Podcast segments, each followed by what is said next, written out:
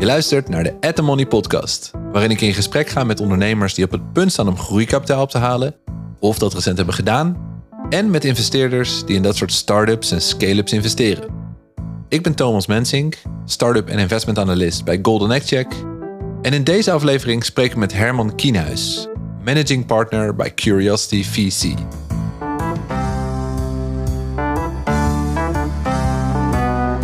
Curiosity is een nieuw fonds dat zich richt op AI-bedrijven in de Benelux, Scandinavië en de Baltische Staten. In deze aflevering vertelt Herman waarom hij gelooft dat AI een nieuwe golf van innovatie veroorzaakt, hoe hij investeert in bedrijven met applied en responsible AI en hoe ondernemers en adviseurs in het fonds mede-eigenaar worden. Deze aflevering is mede mogelijk gemaakt door de NVP.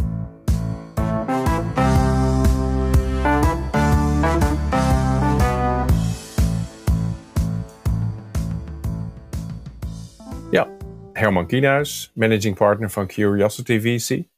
Een nieuw investeringsfonds gericht op uh, eh, AI-software in de Benelux, de Nordics en de Baltics. Ja, en leuk om je weer te spreken. Want daar is hij weer, eh, Herman. We hebben elkaar, we hebben elkaar eerder gesproken, ook voor deze podcast. En dat was voor de liefhebbers aflevering 5. En toen zat je nog bij KPN Ventures. Uh, nu dat is dus alweer een tijd geleden, ja. Curiosity, ja. Uh, twee jaar of zo. Ik weet niet meer precies, maar zoiets denk ik. Hey, Curiosity, heb je, heb je daar nou een lange tijd naartoe gewerkt dan al? Of kwam dat opeens, zeg maar plotseling, viel het allemaal zo samen? Nou, het is, het is eigenlijk wel iets waar ik lang naartoe heb gewerkt. Ehm, toen ik ooit uh, binnen Sanoma het idee had, uh, zeg maar, om een fonds op te richten. Toen had ik al een beetje zoiets van, nou, misschien moet ik dat, moet ik dat ooit zelf doen. maar goed, toen had ik helemaal geen ervaring met investeren. Dus dat werd me ook afgeraden, terecht. um, en, uh, maar toen kreeg ik de kans om binnen Sanema dat fonds op te zetten. Uh, nou, daar een hele mooie portfolio opgebouwd. Uh, goede ervaring opgebouwd. maar naast Sanema Ventures kreeg ik nog de kans om dat ook bij KPN te doen. En toen had ik al zoiets van, nou, um, misschien moet ik er iets bij doen. Dus toen ben ik vier dagen per week bij KPN gaan werken en één dag per week als angel gaan investeren. Eerst ook met een paar vrienden erbij. En er kwamen steeds meer andere investeerders bij die mee wilden doen. En Maurice sloot zich aan, mijn compagnon. Uh, dus dat groeide eigenlijk uit. Iets wat ik één dag per week deed tot ja, best wel een, uh, een omvangrijk ding. Uh, met 30 informals en uiteindelijk geïnvesteerd in 18 bedrijven. en ook nog ne Nederlandse overheid zeg maar, hebben we aangehaakt. Als, aandeelhouder, ja. De RVO Business Angel regeling. Ja. Dus dat, maar dit, dat dit waren bedrijven in Nederland wel, toch? Dat, dat, was alleen, uh, dat was alleen voor Nederlandse investeringen. Maar we investeerden ook al in Scandinavië en de Baltics en, en Luxemburg bijvoorbeeld. Dus we waren toen al uh, begonnen met internationaal investeren als angels. Oké, ja. En um, ja, dat, dat beviel eigenlijk heel goed. Um, maar goed, dat, dat was klein. Uh, dat was iets wat ik erbij deed. maar ja, het begon wel steeds meer te kriebelen om toch wat meer zeg maar, zelfstandig te opereren als investeerder. Uh, dus op een gegeven moment, toen Maries voorstelde om samen met mij een echt fonds op te zetten en ons daar fulltime op te gaan richten, toen uh, ja, viel alles op zich wel uh, op zijn plek. En nou ja, toen zijn we er vorig jaar mee begonnen. Dus het is een soort logisch gevolg, zeg je eigenlijk, van wat je met de River Ventures deed, maar dan nu op een, ja, op een groter niveau ook, denk ik. Want met het fonds willen jullie uiteindelijk naar de 50 miljoen toe. Ja, klopt. Ja, het is, maar het is een logisch vervolg eigenlijk van alles. Kijk, ik, uh, ik ben ooit begonnen als, als strategieadviseur. En toen ben ik zelf in de digitale productontwikkeling uh, heel actief geweest. Veel ook altijd bezig geweest met recruiting en people development. Dus in, zeg maar, al die dingen komen ook samen in een rol als investeerder. Dus die, die, die rol die paste al heel goed. Maar dat deed ik dan binnen een groot bedrijf. En eigenlijk, uh, ja, uh, werd ik steeds enthousiaster van het idee om het wat meer onafhankelijk te doen. Uh, nou, en eerst heb ik dat één dag per week eigenlijk gedaan in het klein. En inderdaad nu uh, fulltime in het groot. Oké. En, en de focus van Curiosity ligt meer, volgens mij nog meer ook dan bij uh, River Venture Partners bijvoorbeeld op AI. En dan specifiek voor mij applied AI en ethical AI. Kun, kun je dat even verder toelichten? Want wat, wat bedoel je daar bijvoorbeeld mee? Ja, wij, uh, wij hebben inderdaad voor het fonds een hele gefocuste strategie gekozen. Ja, dus we doen vroege fase, we doen die drie regio's. Daar kunnen we later nog iets meer over vertellen. Mhm. Maar inderdaad, we richten ons ook heel duidelijk op toepassingen van kunstmatige intelligentie. Ja, wij zien dat als de nieuwe golf van technologiebedrijven. er is eigenlijk steeds meer beschikbare technologie op het gebied van data processing, machine learning. Uh, de, de mogelijkheden die zijn eigenlijk verruimd om uh, de, de grote hoeveelheden data die nu verzameld worden, om die ook echt te gebruiken. Mm -hmm. en, uh, en daardoor zien we eigenlijk een nieuwe golf van bedrijven ontstaan. En dus waar met de komst van de smartphone en de App Store ontstonden er eigenlijk hele nieuwe bedrijven die daar gebruik van maakten. Nu zien wij ook weer allerlei nieuwe bedrijven ontstaan die eigenlijk gebruik maken van gewoon basistechnologieën die nu voor iedereen beschikbaar zijn gekomen. Dus wij investeren niet zozeer in die basistechnologieën, maar we investeren eigenlijk juist in bedrijven die van die basistechnologieën echt een, een product maken, een oplossing, een toepassing voor een bepaalde sector of een bepaalde klantengroep. Ja, dat, dus dat, dat bedoelen we met applied, AI. AI zeg maar. Inderdaad, de, de toepassing van uh, van, van kunstmatige intelligentie. Eigenlijk door gebruik te maken van nieuwe technologieën in data processing, in machine learning. En daar dan vervolgens waarde te creëren voor een bepaalde klantengroep. Dat is waar we ons op richten. We hebben dan inderdaad ook nog een filosofie rondom responsible AI. Ja. Wij geloven dat we in Europa eigenlijk meer zouden moeten investeren in het ontwikkelen van onze eigen kunstmatige intelligentie. Met eigen bedoel ik een beetje ja, kunstmatige intelligentie, waar ook de waarde en de, en de, de, de, zeg maar de cultuur van Europa in embed is. Want eigenlijk, uh, als je artificiële intelligentie ontwikkelt, dan stop je daar ook de, je eigen waarde in en je eigen biases en je eigen data. Ja, precies. Um, en ik denk dat, dat het heel goed zou zijn als we dat in Europa meer zelf zouden ontwikkelen. Uh, ook om gewoon wat minder afhankelijk te worden van Amerikaanse en Chinese AI, die niet altijd in lijn is met wat we hier willen. Uh, dus wij geloven echt in het bouwen van die bedrijven hier in Europa, in lijn met Europese waarden en regelgeving. En tegelijkertijd kun je zeggen, het schijnt altijd dat AI uh, in, in Europa heel erg achterloopt op de US en in China. Verwacht je dan ook dat je met die nieuwe golf van bedrijven die er aankomt, dat er ook voorlopers zullen zijn in Europa juist. In plaats van dus in, in die andere. Nou, ik denk, ik denk zeker dat we een achterstand moeten inlopen. Uh, dus sowieso geloof ik dat we meer moeten investeren op, op dit vlak. Uh, op allerlei Vanuit de overheid bedoel je ook? Ja, ja. Ja, dat, nou ja dat, dat kan ook in de basistechnologie zijn, maar ook in de toepassingen. Um, je ziet wel dat bijvoorbeeld basis, uh, een deel van de basistechnologie is open source dus dat, ja, dat is sowieso al uh, niet zeg maar, vanuit één land ontwikkeld of vanuit één bedrijf ontwikkeld, maar meer vanuit de community. Nou, als je dat gebruikt om een toepassing te ontwikkelen voor bepaalde klanten, dan, uh, dan, dan geloven wij dat het goed is als je dat ook in lijn doet met Europese regelgeving en Europese uh, richtlijnen. dan moet je nog steeds die achterstand inhalen. Want het moet wel beter zijn of net zo goed zijn als producten die uit andere landen komen. Dus ja, ik, we zijn er nog lang niet. Dat, dat is waar. Uh, maar goed, ja, we moeten ergens beginnen. En we zien wel dat Europa, ja, dat de technologie sector in Europa sterk aan het groeien is. En echt al een stuk van die achterstand aan het inlopen is. En dat er ook steeds meer bedrijven in Europa ja, hele, uh, hele grote successen bereiken, unicorn worden en, uh, en, en vervolgens dus nog meer talent en geld naar Europa trekken. Dus dat vliegwiel in Europa is wel echt aan het draaien. Begint, begint te komen, ja. Eh, wat, wat heeft voor jou de, de interesse in kunstmatige intelligentie aangewakkerd dan? Nou, ik, ik vind het sowieso heel fascinerend wat, uh, wat het gaat betekenen voor, uh, voor de maatschappij. ik denk dat het enorme waarde kan creëren wat we ook hebben gezien met de komst van computers, met de komst van het internet. Ja, er, er wordt zo, zoveel waarde gecreëerd, maar er verandert ook zoveel. Maar er zitten ook hele grote risico's aan. dus er, ik geloof op zich, ik, ik, ben wat dat betreft een, uh, hoe noem je dat, een um, technologie uh, believer. En, en, en ik, kijk naar de positieve kanten van. Maar ik, ja. um, ik denk ook dat er altijd negatieve kanten aan de inzet van nieuwe technologie zit. Uh, dus ja, ik ben gefascineerd door die, door die technologie. Maar ik geloof ook dat we, ja, dat we er verstandig mee om moeten gaan. En daar vind ik, ik vind dat interessant om daar een rol in te spelen. Als investeerder. Ook om uh, hè, te werken met ondernemers die, die echt iets kunnen maken van niks. dat vind ik heel fascinerend. En daarbij te kunnen helpen. maar ook om inderdaad ja, ervoor te zorgen dat we technologie ontwikkelen waar we als maatschappij ook echt iets aan hebben. En is dat uit goedheid? Of denk je ook juist dat daar dan een, een business case ligt voor, voor jou ook als investeerder? Ja, allebei. Uh, ik, ik denk dat dat het goede is om te doen. Uh, ik denk ook dat dat uh, inderdaad een prima business kan zijn. Daar, daar, dat, dat hebben we natuurlijk ook onze investeerders, um, aan onze investeerders gepresenteerd. En ja, je kan hier een prima rendement uithalen. Maar het is wel heel duidelijk met een visie om te investeren in bedrijven die kunstmatige intelligentie ontwikkelen op een verantwoorde manier. Ja, ja, precies. Ik kan me herinneren, want wij, um, waren allebei op Slush eh, in Helsinki afgelopen uh, december.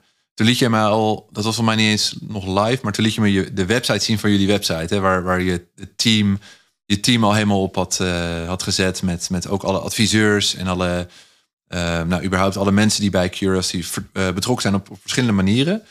Um, kun, je daar wat meer over vertellen? Dus wie, wie zit er allemaal achter Curiosity? Wie, ja, als je een founder bent, waar uh, krijg je mee te maken bijvoorbeeld? Boris en ik zijn dus eigenlijk al een jaar bezig met, met plannen maken, met mensen om ons heen verzamelen. Uh, omdat we inderdaad geloven dat wij dit niet alleen kunnen, maar we willen werken met een, een groep van adviseurs om ons heen. En we hebben mm-hmm. ja, hele ervaren mensen aangetrokken met kennis van data science, machine learning. Um, AI ethics, maar ook bijvoorbeeld van recruiting of sales of, uh, of juridische zaken.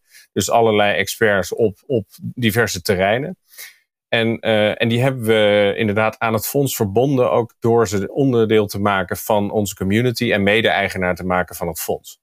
Dus die mensen die, eh, die, die hebben een, een, zelf ook een commitment afgegeven dat ze tijd stoppen in het ondersteunen van het fonds en van de portfoliobedrijven. Mm En in ruil daarvoor worden ze ook mede-eigenaar van het fonds. En, en hoe, hoe word je dan mede-eigenaar? Wat, wat houdt dat voor, voor hun in? Wat houdt dat voor de ondernemers ook in die daarmee te maken krijgen? Ja, nee, dat, nou, je verwijst inderdaad naar het feit dat we uh, naast dat we de adviseurs mede-eigenaar maken, uh, maken we ook alle ondernemers waarin we investeren mede-eigenaar van het fonds. Oké. Okay. Uh, dus dat is een tweede groep. en ook daar ja, geloven we heel erg in het creëren van de community van mensen die een incentive heeft om het fonds te steunen. En ook bijvoorbeeld hè, ondernemers die elkaar kunnen helpen. Ja, ja. Um, dus dat, dat is iets waardoor we, uh, of waar, we zijn geïnspireerd geraakt door het fonds Kindred Capital uit Londen. Die hier, geloof vier jaar geleden mee zijn begonnen. En uh, zij uh, waren een van de eerste fondsen die ik ken, althans, die inderdaad ook hun ondernemers inderdaad mee, mede-eigenaar maakten van het fonds. Nou, dat vonden wij een heel inspirerend model. We hebben het nog niet vaak gezien. Maar wij dachten, nou, dat past heel goed bij onze filosofie. Uh, bij het creëren van een community. Uh, bij het uh, ervoor zorgen dat, dat je een grotere groep hebt van mensen die het fonds en de portfolio ondersteunt. Het past ook goed bij onze filosofie om gewoon, hè, als wij dit fonds tot een succes maken, om de winst die daaruit vloeit, om die dan ook te delen met de mensen die ons geholpen hebben. Dus in zoverre ja, was, dat, was dat eigenlijk meteen duidelijk dat dat voor ons een perfect model zou zijn. Uh, hoe dat technisch werkt, is dat ze certificaten krijgen in de carry vehicle, die ook investeerder is in het fonds. Dus mm -hmm. daarmee worden ze eigenlijk mede-eigenaar via, via de carry vehicle. Ja, dus, dus als, als het fonds winst maakt, dan delen ze in die winst mee. Ja. Hm, interessant, ja.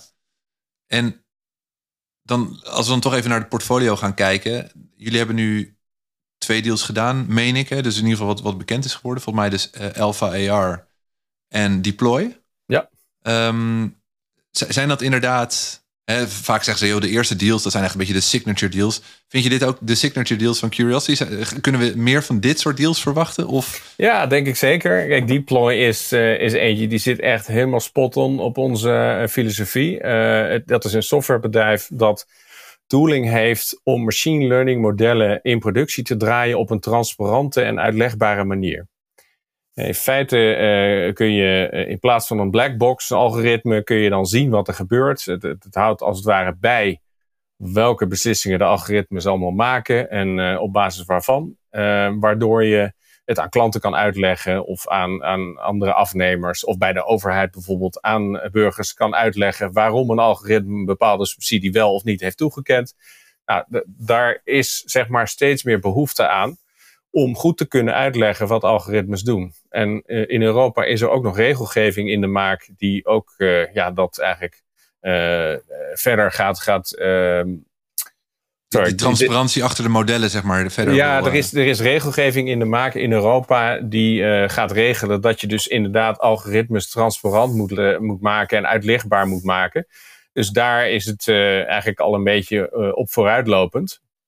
Ja, mhm. wij denken sowieso dat dit team van vier data scientists die de bedrijf hebben opgericht, ja, dat is een heel sterk team die hier een, een, heel interessant product hebben gemaakt in een nog erg vroege markt. Maar wij, wij zien daar heel veel potentie in. En het past inderdaad uh, helemaal perfect bij het fonds. Ik denk de tweede investering is in Estland. ook in een heel leuk team van twee commerciële ondernemers die eerder bedrijven hebben gestart met een professor van de Universiteit van Tartu. Die een ja, eigenlijk software hebben ontwikkeld waarmee je van 2D-foto's automatisch 3D-modellen kan maken. Oké. Okay. dat vinden we ook een hele interessante voor, toepassing. Voor e-commerce toepassingen, toch? Ja, is echt uh, voor, voor e-commerce klanten. Dus Farfetch ja. is bijvoorbeeld een klant. Um, ja, ze kunnen dus eigenlijk veel sneller en goedkoper allerlei 3D-modellen maken voor toepassingen in e-commerce, maar misschien in de toekomst ook wel in gaming of in allerlei metaverse toepassingen er is in ieder geval heel veel vraag naar 3D-content. Uh, eh, en het, uh, ja, het kost, kost veel tijd en moeite om dat allemaal te maken. Dus als je dat kan automatiseren, dan, ja. dan heb je wel een, een mooie propositie. En ik kan, bij Deploy kan ik me voorstellen dat het een bedrijf is wat al binnen jullie bestaande netwerk lag. Hoe, hoe zit dat bij Alpha AR dan? Is dat, want dat is een EST bedrijf. Um, ja. Komt dat dan weer binnen via een van die adviseurs bijvoorbeeld? Of, of weten ze jullie te vinden omdat jullie zo'n zo'n scherpe focus hebben? Of hoe, hoe is dat precies gegaan? Ja, nou in, in, principe hebben we al best wel een groot netwerk in zowel Scandinavië als de Baltics. Gewoon door de afgelopen tien jaar zijn we er al actief geweest. Ik wat meer in, in Finland en uh, Maries wat meer in uh, echte Baltische staten. Um, dus we hebben, we hebben daar al behoorlijk wat netwerk opgebouwd. En daar zie je inderdaad veel uh, deals uitkomen uit dat netwerk. In dit geval hadden we een leuke relatie ook met, met iemand die voor Invest Estonia werkt. En die heeft deze Pieter. deal toevallig bij ons geïntroduceerd. Is dat Pieter of niet? Wat zeg je? Pieter. ja, Pieter, ja. ja. Ja, grappig. Ja, die heeft me inderdaad ook net gekoppeld aan de minister van Estland. Zoals je ook weet. Die spreek ik in de volgende aflevering. Ja. Um, grappig dat dat uh, op die manier dus ook, uh, ook werkt. Ja. ja, maar je hebt wel gelijk dat omdat onze zeg maar, focus zo soort van duidelijk is, zie je wel dat mensen ons sneller weten te vinden.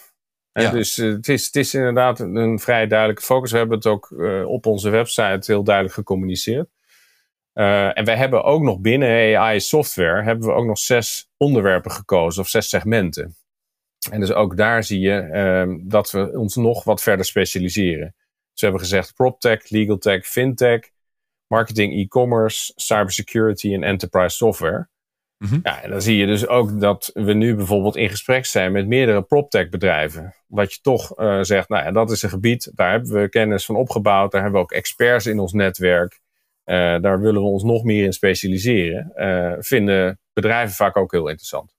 Ja, precies. Want, want dat is inderdaad een vraag van mij. Als je in dat soort nieuwe regio's gaat, gaat investeren, waar je dan weliswaar een, een, netwerk al hebt opgebouwd. Maar het gevaar ligt natuurlijk op de loer dat je deals naar je toe trekt die zeg maar, bij de lokale investeerders uh, nee hebben gehoord. En dus maar bij zo'n nieuw fonds die misschien de lokale markt weer niet goed kent, daar aankloppen. Snap je? Dus, dus ja. de vraag is vooral hoe zorg je ervoor dat je de allerbeste deals aantrekt die ook misschien niet direct binnen je, je eerste graads netwerk liggen. Zeg maar. ja, ja, ja, ja. Die net wat nee, ja, dat, is, dat is terecht punt. En daarom hebben we ook ervoor gekozen om in heel veel landen niet actief te zijn. En want je wil inderdaad niet soort van de tweede keus krijgen. Ja, uh, ja, En ik denk dat we in de regio's waar we nu actief zijn, op zich goed genoeg het hele ecosysteem kennen. En ook kunnen samenwerken met lokale investeerders. En ook ja, Via co-investments bijvoorbeeld. Ja. Uh, Maurice is ook nog weer investeerder in een fonds in Litouwen. En nou ja, dus we kunnen ook heel makkelijk even vragen van hebben jullie het gezien? Uh, wat vinden jullie ervan? Dus ja. we werken inderdaad nauw samen met lokale investeerders. Ja, precies.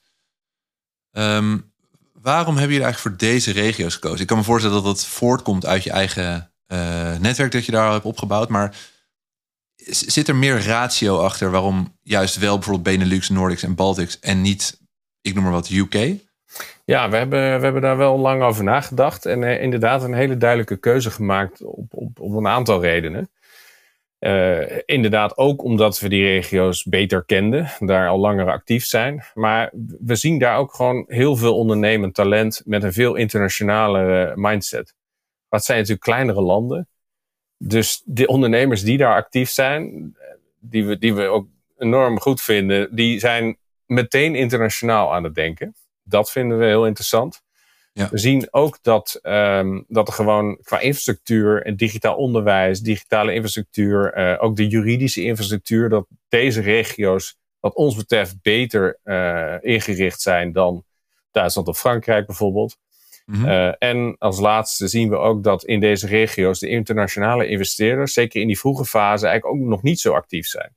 En dus de ja. investeerders zitten allemaal in Engeland, Frankrijk, Duitsland. Ja, precies. Nou, een beetje de, de, de grotere markt, de usual suspects. En, en eigenlijk kijk je net, net een stapje verder. Doe je misschien net iets meer moeite en, en daardoor vind je ja. ook meer van die pareltjes. Ja, precies. Ja, wij zien dit echt als de challengers in, in de Europese ja. technologie sector. Waar gewoon uh, eigenlijk betere ondernemers zich op internationale markten richten. Dus ja, wij, uh, wij, wij zijn enorm enthousiast over deze regio's. Merk je nu al verschil tussen de regio's? Dus komt er ander soort dealflow of andere soort ondernemers uit bijvoorbeeld Scandinavië dan, dan je bijvoorbeeld in Nederland ge gewend bent? Uh, of, of in de Baltische Staten juist weer heel ander type uh, bedrijven dan, dan elders? Ja, vind ik nog wel een beetje lastig te zeggen. Maar ik, ik, ja, ik, er zijn zeker verschillen. Kijk, wij vinden ehm, de ondernemers uit de Baltische Staten heel erg gedreven. En dat ja, zou kunnen omdat ze toch het idee hebben dat ze nog een, een achterstand hebben in te halen. Uh, hè, ze zijn daar, denk ik, ze hebben veel meer een, een hoe zeg ik dat? Uh, ja, mentaliteit om echt keihard voor te gaan. Uh, heb je zeker in Nederland ook. Maar daar zie je dat gewoon overal. Daar is het al echt de norm. Uh, ik denk ook dat er wat meer een engineering culture, culture is. Ook in Finland bijvoorbeeld. Uh, dus het is ook de techniek die vaak wel heel duidelijk aanwezig is uh, bij, uh, bij de founders. Um, ja, het zijn, het zijn allemaal dingen die wij in ieder geval heel positief vinden. Ja. maar goed, we zien ook hele goede founders in Nederland, in België. dus wat dat betreft kunnen ze overal vandaan komen. En, en, is het risico niet wat je ziet, want je zegt dat die, die, die markten daar waar je in investeert zijn een beetje underserved, misschien wel bij grotere, door grotere fondsen. Um, jullie investeren nu, maar is het niet het risico, denk je, dat, dat het lastiger wordt voor die bedrijven om dan vervolgkapitaal op te halen? Uh, met andere woorden, kunnen, kunnen jullie helpen om dat soort bedrijven ook in de picture te laten spelen van die grotere fondsen die misschien nu die markten waar jullie in actief zijn um, overlooken? Hoe zeg je dat? Uh, ja, nou, over het hoofd je zien? Ziet, je ziet dat de, de bedrijven die op een gegeven moment een Series E fase bereiken, die dus echt die commerciële tractie kunnen laten zien, die worden wel opgepikt die worden ook wel gezien ook door internationale investeerders. Wij gaan daar zeker bij helpen. We hebben een groot investeerdersnetwerk opgebouwd. Uh, dus inderdaad kunnen we bedrijven uit ons portfolio introduceren bij vervolginvesteerders. Dat is, dat is een van de dingen die we, die we hopen te doen. Um, maar je ziet ook wel, zeker in Finland, in Estland, in Zweden, dat gewoon als de bedrijven eenmaal een beetje een bepaalde fase hebben bereikt, dat de internationale investeerders ook wel weten te vinden. Ja, precies. Dus het is met name in die vroege fase dat we het nog, ja, eh, dat we wel zien dat er nog niet zo heel veel grote investeerders actief zijn. Precies, en jullie stappen dus in voordat die andere fondsen instappen. En, en jullie kunnen ze dus helpen om toegang te krijgen tot die fondsen. En jullie, eigenlijk waar je dus instapt, is een minder concurrerende markt. Uh, vanuit ja, in die seeds, in die seeds uh, fase vinden wij het minder concurrerend. Uh, we zien het, dat eigenlijk overal wel een beetje. Dat de echte succesvolle fondsen die, die worden groter en die schuiven wat op naar boven. Dat is ook in Nederland eigenlijk gebeurd. Ja. Uh, dus die schuiven wat naar, naar achter, die gaan wat grotere deals doen. En dan zie je eigenlijk dat die seed fase een beetje, ja, misschien inderdaad underserved is. Uh, terwijl er wel een enorme groei is van, van, de, van de markt. Eigenlijk veel vraag is naar seed funding. Nou, wij vinden die seed fase hartstikke interessant. Wij denken dat we daar een, een goede rol in kunnen spelen. en ook ondernemers kunnen begeleiden. Vinden het ook leuk, die pioniersfase. Ehm, en we denken eigenlijk dat het zelfs een beter rendement geeft, omdat je ja, op een beter moment instapt, op een goedkoper moment. Um, waarin er dus inderdaad ook iets minder concurrentie is. Ja. ja, en het plan van het fonds gezien is dus ook om mee te blijven investeren in vervolgrondes. Ja, we willen inderdaad in 20 bedrijven investeren in uh, die uh, seedfase. En in, in ons model gaan we dan in acht bedrijven door investeren die uh, zich heel goed ontwikkelen. Oké, ja. Ik kan nog even een vraagje, want vanuit River Venture Partners zat denk ik ook wel wat overlap in de bedrijven die je misschien nu vanuit Curiosity interessant gaat vinden. Is het, is het denkbaar dat het doorstroomt van zeg maar jullie River Ventures portfolio naar Curiosity? En, en zo ja, denk je dat dat op zich niet echt. Um, Met Angel Syndicate had niet zo'n duidelijk gefocuste strategie als het fonds. Dus je ziet dat dat een veel bredere mix is van bedrijven. Er zit ook B2C tussen, uh, marktplaatsen, um, allerlei, allerlei softwarebedrijven. Um, dus, dus dat is niet meteen logisch dat het dan past bij het fonds. Um, wat je wel ziet, is er zijn misschien een aantal die inderdaad wel zouden kunnen passen bij het fonds. Maar daar is het ook in principe niet de bedoeling dat wij met het fonds gaan investeren in dingen waar we al als angel in zitten. Want dat zou dan een conflict of interest zijn. Ja, dat zou inderdaad precies mijn vraag zijn: van hoe ga je daarmee om? Ja, ja dus, dus eigenlijk hebben we gezegd van dat doen we niet.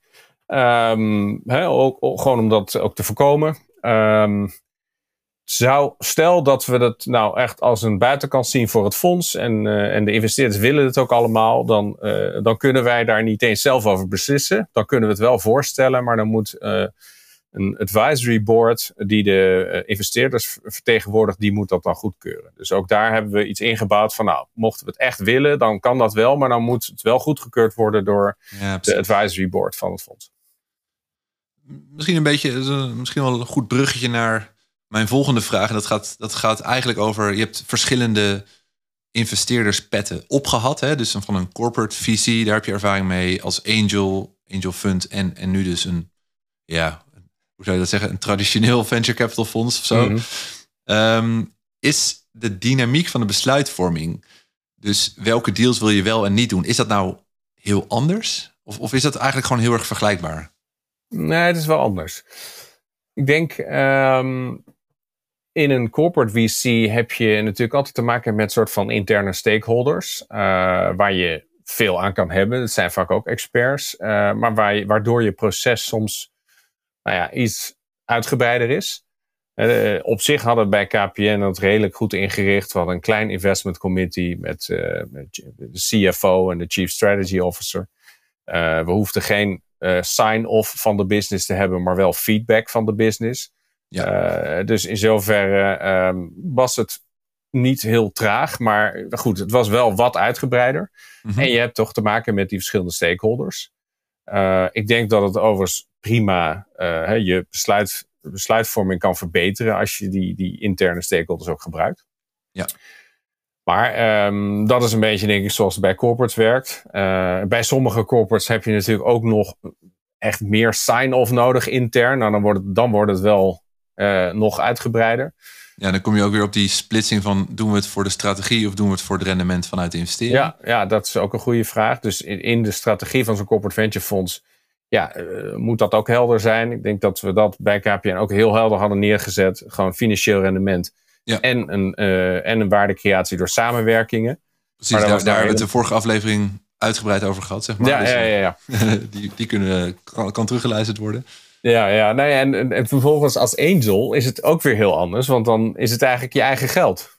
Ja. Dus, uh, en het grappige is dat je dan misschien zelfs wel minder verantwoording hoeft af te, af te leggen aan anderen. Dus dat je eigenlijk makkelijker besluiten neemt, misschien wel uh, meer op basis van intuïtie of emotie.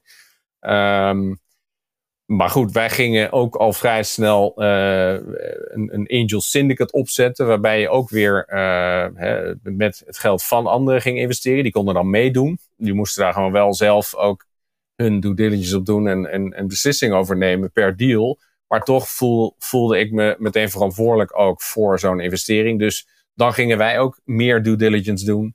En, uh, en, en meer ja, toch denk ik ook vastleggen van eh, waarom je een bepaalde keuze hebt gemaakt. Um, dus dan, dat schoof wel op richting wat je nu als fonds hebt. waarbij je in feite wel als partners de beslissingen neemt voor je investeringen. Maar ook de, de verantwoordelijkheid hebt richting je investeerders om uh, ja, een hele goede selectie te maken, uh, alles goed te checken, due diligence fase goed te doorlopen. Um, ja, en ook in de begeleiding en in de, in de reporting, zeg maar, je, je investeerders heel goed op de hoogte te houden. Dus ik denk dat, um, dat ik als, als angel vrij snel opgeschoven ben waar, naar een rol waarbij ik dat al aan het doen was. Hè, dus het informeren van investeerders en die verantwoordelijkheid nemen om, uh, om, om zeg maar, ja, je keuzes ja. goed te maken en iedereen goed te informeren. Ja. Dus eigenlijk maar een klein stapje vanaf dat angel fund naar wat je nu doet bij QS. Ja, klopt. Ja, dat, ja, dat, is, niet, dat is niet een hele grote stap. En de bedragen worden wat groter. We kunnen ook daardoor misschien meer uh, een uitgebreidere DD doen, want we hebben meer middelen. Uh, dus wat dat betreft wordt het denk ik sowieso beter. Maar goed, dat, dat is ook logisch als de bedragen wat groter zijn. Je, je gaf toen in de vorige aflevering ook aan van als angel ben ik wat meer, um, ja, ik sta wat meer op standby zeg maar. Dus ik ga niet super hands-on al die um, portfoliobedrijven begeleiden. Verandert die rol wel als je nu, um, nu, nu vanuit Curiosity zeg maar, is het nu wel super hands-on juist uh, de mouwen opstropen en, en helpen waar je kan? Of, of is het ja, nog steeds zeker. van ja, laat ons denk... weten hoe we kunnen helpen en dan doen we dat? Ja, ik denk dat klopt. Nee, natuurlijk als, als fonds probeer je portfoliobedrijven op alle mogelijke manieren te helpen. Um, dat deed ik als angel ook maar één dag per week. Hè? Dus er was ook niet zoveel tijd over om iedereen, uh, om zo'n zo hele portfolio te helpen. Overigens was je daar vaak een van de vele angels Precies, in een soort ja, angel ronde. Ja. Dus dan, dan is het ook, dan wordt er misschien ook minder een beroep op je gedaan. Uh, alhoewel nu bij sommige bedrijven natuurlijk. Ja, bij sommige bedrijven heb ik nog steeds vrij nauw samengewerkt met de ondernemers en veel kunnen doen. Maar bij sommigen ook heel weinig. Het was niet nodig. Um, bij deze uh, rol als investeerder namens een fonds uh, wordt het zeker actiever. Um, gaan we gewoon natuurlijk fulltime ons richten op het begeleiden van die portfoliobedrijven in die vroege fase. Ja, dus dat, dat gaat van strategie, uh, finance verbeteren, commerciële ontwikkeling ondersteunen, ook helpen met recruiten. Um, we gaan natuurlijk ook, waar we het eerder al over hadden, die stap naar vervolgfinanciers. Er zijn eigenlijk allerlei elementen die, uh, waar, waar we die ondernemers uh, in willen helpen. Ja, precies. En, nog even vraag ik meer vanuit persoonlijke interesse ook. Uh, um, de, de, zeg maar de deals die je als angel ziet. Ik heb het gevoel, omdat ik die nu zelf ook zie, dat daar vaak. Um, je hebt niet zoveel invloed op hoe die deal eruit komt te zien. Vaak is het de, de, de founder die Um, die, die maakt een rondje langs meerdere angels bijvoorbeeld. Om een, ronde, ik noem maar wat, uh, vijf ton of zo bij elkaar uh, te krijgen. Van, ik noem maar wat, tien verschillende angels. Dus dan helpt het gewoon als, er, als, de, als de founder de lead neemt en zegt... oké, dit dit, dit is ongeveer hoe ik de deal wil vormgeven. Dit is de waardering, uh, et cetera.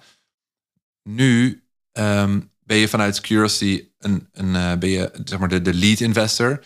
Nu bepaal jij zeg maar, hoe die deal eruit komt te zien samen met die founder, zeg maar. Ja, dat is, is, het is, meer een onderhandeling, dat klopt. Ja. Het is meer een onderhandeling. Ik denk dat je gelijk hebt. Kijk, angel deals is vaak met een safe of een CLA. Toch een beetje een standaard document waar iedereen op intekent of niet. Ja. Um, en dat, en dat ieder, deel is te klein om, om echt het, het geheel te veranderen. Ja, precies, precies. Het, dus de terms staan ook natuurlijk nog niet zo uh, uitgebreid uitgeschreven. Hè, de waardering is vaak nog niet vastgesteld. Dus het schuif je eigenlijk allemaal een beetje naar voren. Dus als investeerder moet je dan inderdaad uh, dat wel gaan uitwerken en, en uitonderhandelen. Uh, dat is een beetje de rol van de lead investor. Overigens zijn we niet altijd lead investor. Uh, we kunnen ook prima als co-investor meedoen op een deal. Maar de, de verantwoordelijkheid van de lead investor is dan inderdaad meestal om, om die terms eigenlijk uit te onderhandelen. Ja, precies. Ja. En, en dat is dus een rol die je nu wat vaker zal oppakken weer. Ja, maar dat deed ik natuurlijk bij KPN en Sanoma ook. Ja, ja, ja precies.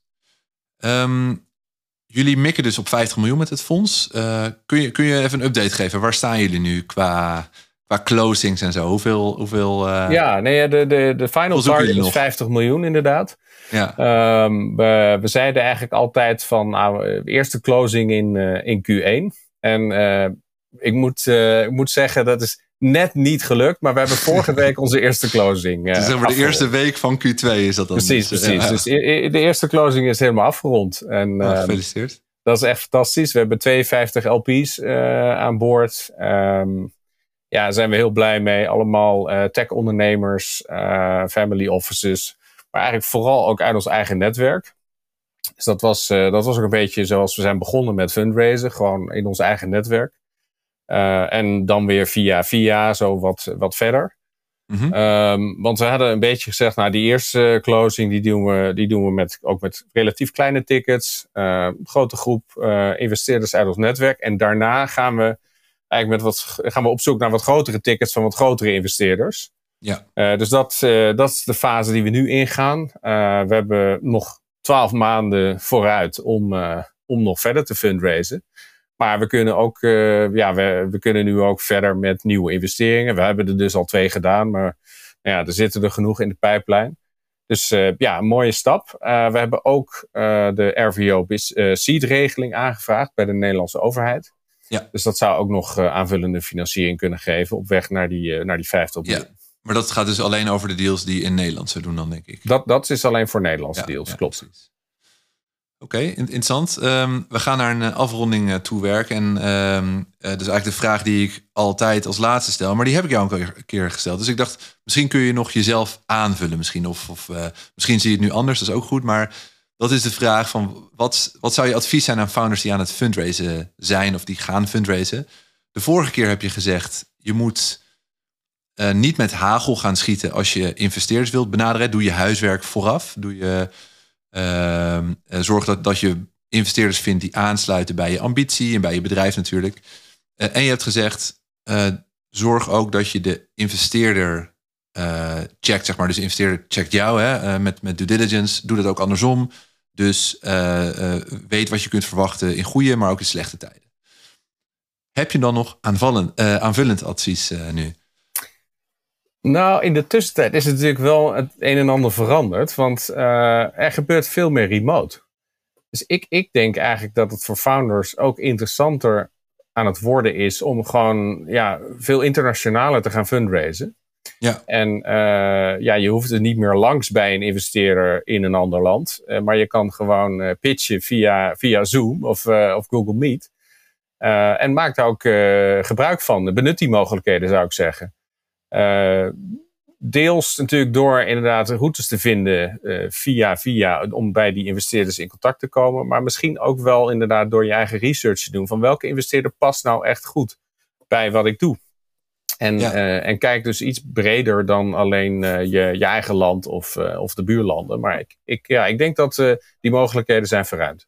Ja, dus eigenlijk zeg je, de, door remote kun je ook makkelijker op afstand deals doen. Dus kun je nog beter zoeken naar een investeerder die zeg maar, veel meer kennis heeft van het domein waar je in zit. In jullie ja. geval dus AI bijvoorbeeld. Dus dat is voor jullie maakt het misschien ook makkelijker om in het buitenland deals te doen dan wat het twee jaar geleden misschien was. Ja, precies. Ja, dat heb ik ook al gemerkt als angel. Waarbij ik gewoon ook een aantal deals uh, gewoon remote heb gedaan. Ja, en ik, dus wat, aan de investeerderkant wordt het makkelijker, maar aan de ondernemerkant dus ook. Um, ja, dat, dat is de positieve kant. Misschien andere kant. Uh, ik denk, we zijn in een onzekere tijd. Uh, dus mijn advies aan ondernemers is nu ook om, om voor iets meer runway te gaan raisen. Uh, dus zorg gewoon voor 24 maanden runway in plaats van uh, 12 of 18. Mm -hmm. dat, zou, dat zou een ander advies kunnen zijn. Om in deze tijden gewoon nou ja, ervoor te zorgen dat je, dat je genoeg buffer hebt om het een tijd uit te kunnen houden. Ga ik toch nog één laatste, allerlaatste vraag stellen. Want um, ik zie nu inderdaad founders die twijfelen. Tussen, um, die, laat zeggen, die zijn redelijk vroeg. Die hebben wat eerste tractie, maar nog niet genoeg om een visie te overtuigen, zeg maar. Ze zitten nog lang niet op, op 50k per maand aan omzet bijvoorbeeld. Die twijfelen nu tussen of alsnog zo'n grote ronde ophalen, waarmee je inderdaad misschien wel 24 maanden vooruit kan. Maar het wordt misschien lastig, omdat niet iedereen daarop op zal, zal aanhaken, want die willen meer tractie zien. Of nu toch een soort, soort brugronde doen voor ik noem maar wat, zes maanden of zo. Om die eerste validatie nog, uh, die eerste tractie sterker te, te laten, mm -hmm. te laten -hmm. zien. Meer data te verzamelen. het, het, hangt natuurlijk per case af, maar ja, is hier een soort... dat is lastig om daar één goed antwoord te geven, denk ik. Want ik denk dat het soms inderdaad echt slim kan zijn om nog net iets meer tractie te genereren. Zodat je gewoon die deal inderdaad wel kan ophalen, die grotere deal. Ja, aan de andere kant... Um, ja, ik, ik weet niet. Voor zes maanden uh, financing ophalen, dat is dan wel weer heel kort. En dan moet je daarna weer fundraisen. Dan blijf je fundraisen. Dus ik, weet niet. Ja, dan, dan heb je ook geen tijd om daadwerkelijk je tractie te vergroten. Omdat je geen tijd hebt om in je dus- klanten dus, te stoppen. Ja. Dus in principe eh, is het niet ideaal, denk ik, om uh, voor zo kort iets, uh, iets op te halen. Dus als je dat kan voorkomen, dan, dan, zou ik dat, dan zou ik dat doen. Maar goed, soms is het nodig. Ja, en soms, soms kan het dus ook wel slim zijn.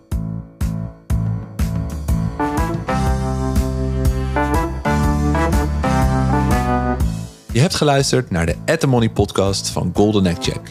Mede mogelijk gemaakt door de NVP. Ik maak elke twee weken een nieuwe aflevering met een ondernemer of investeerder, of met allebei. Dus wil je op de hoogte blijven? Abonneer je dan even in je favoriete podcast app.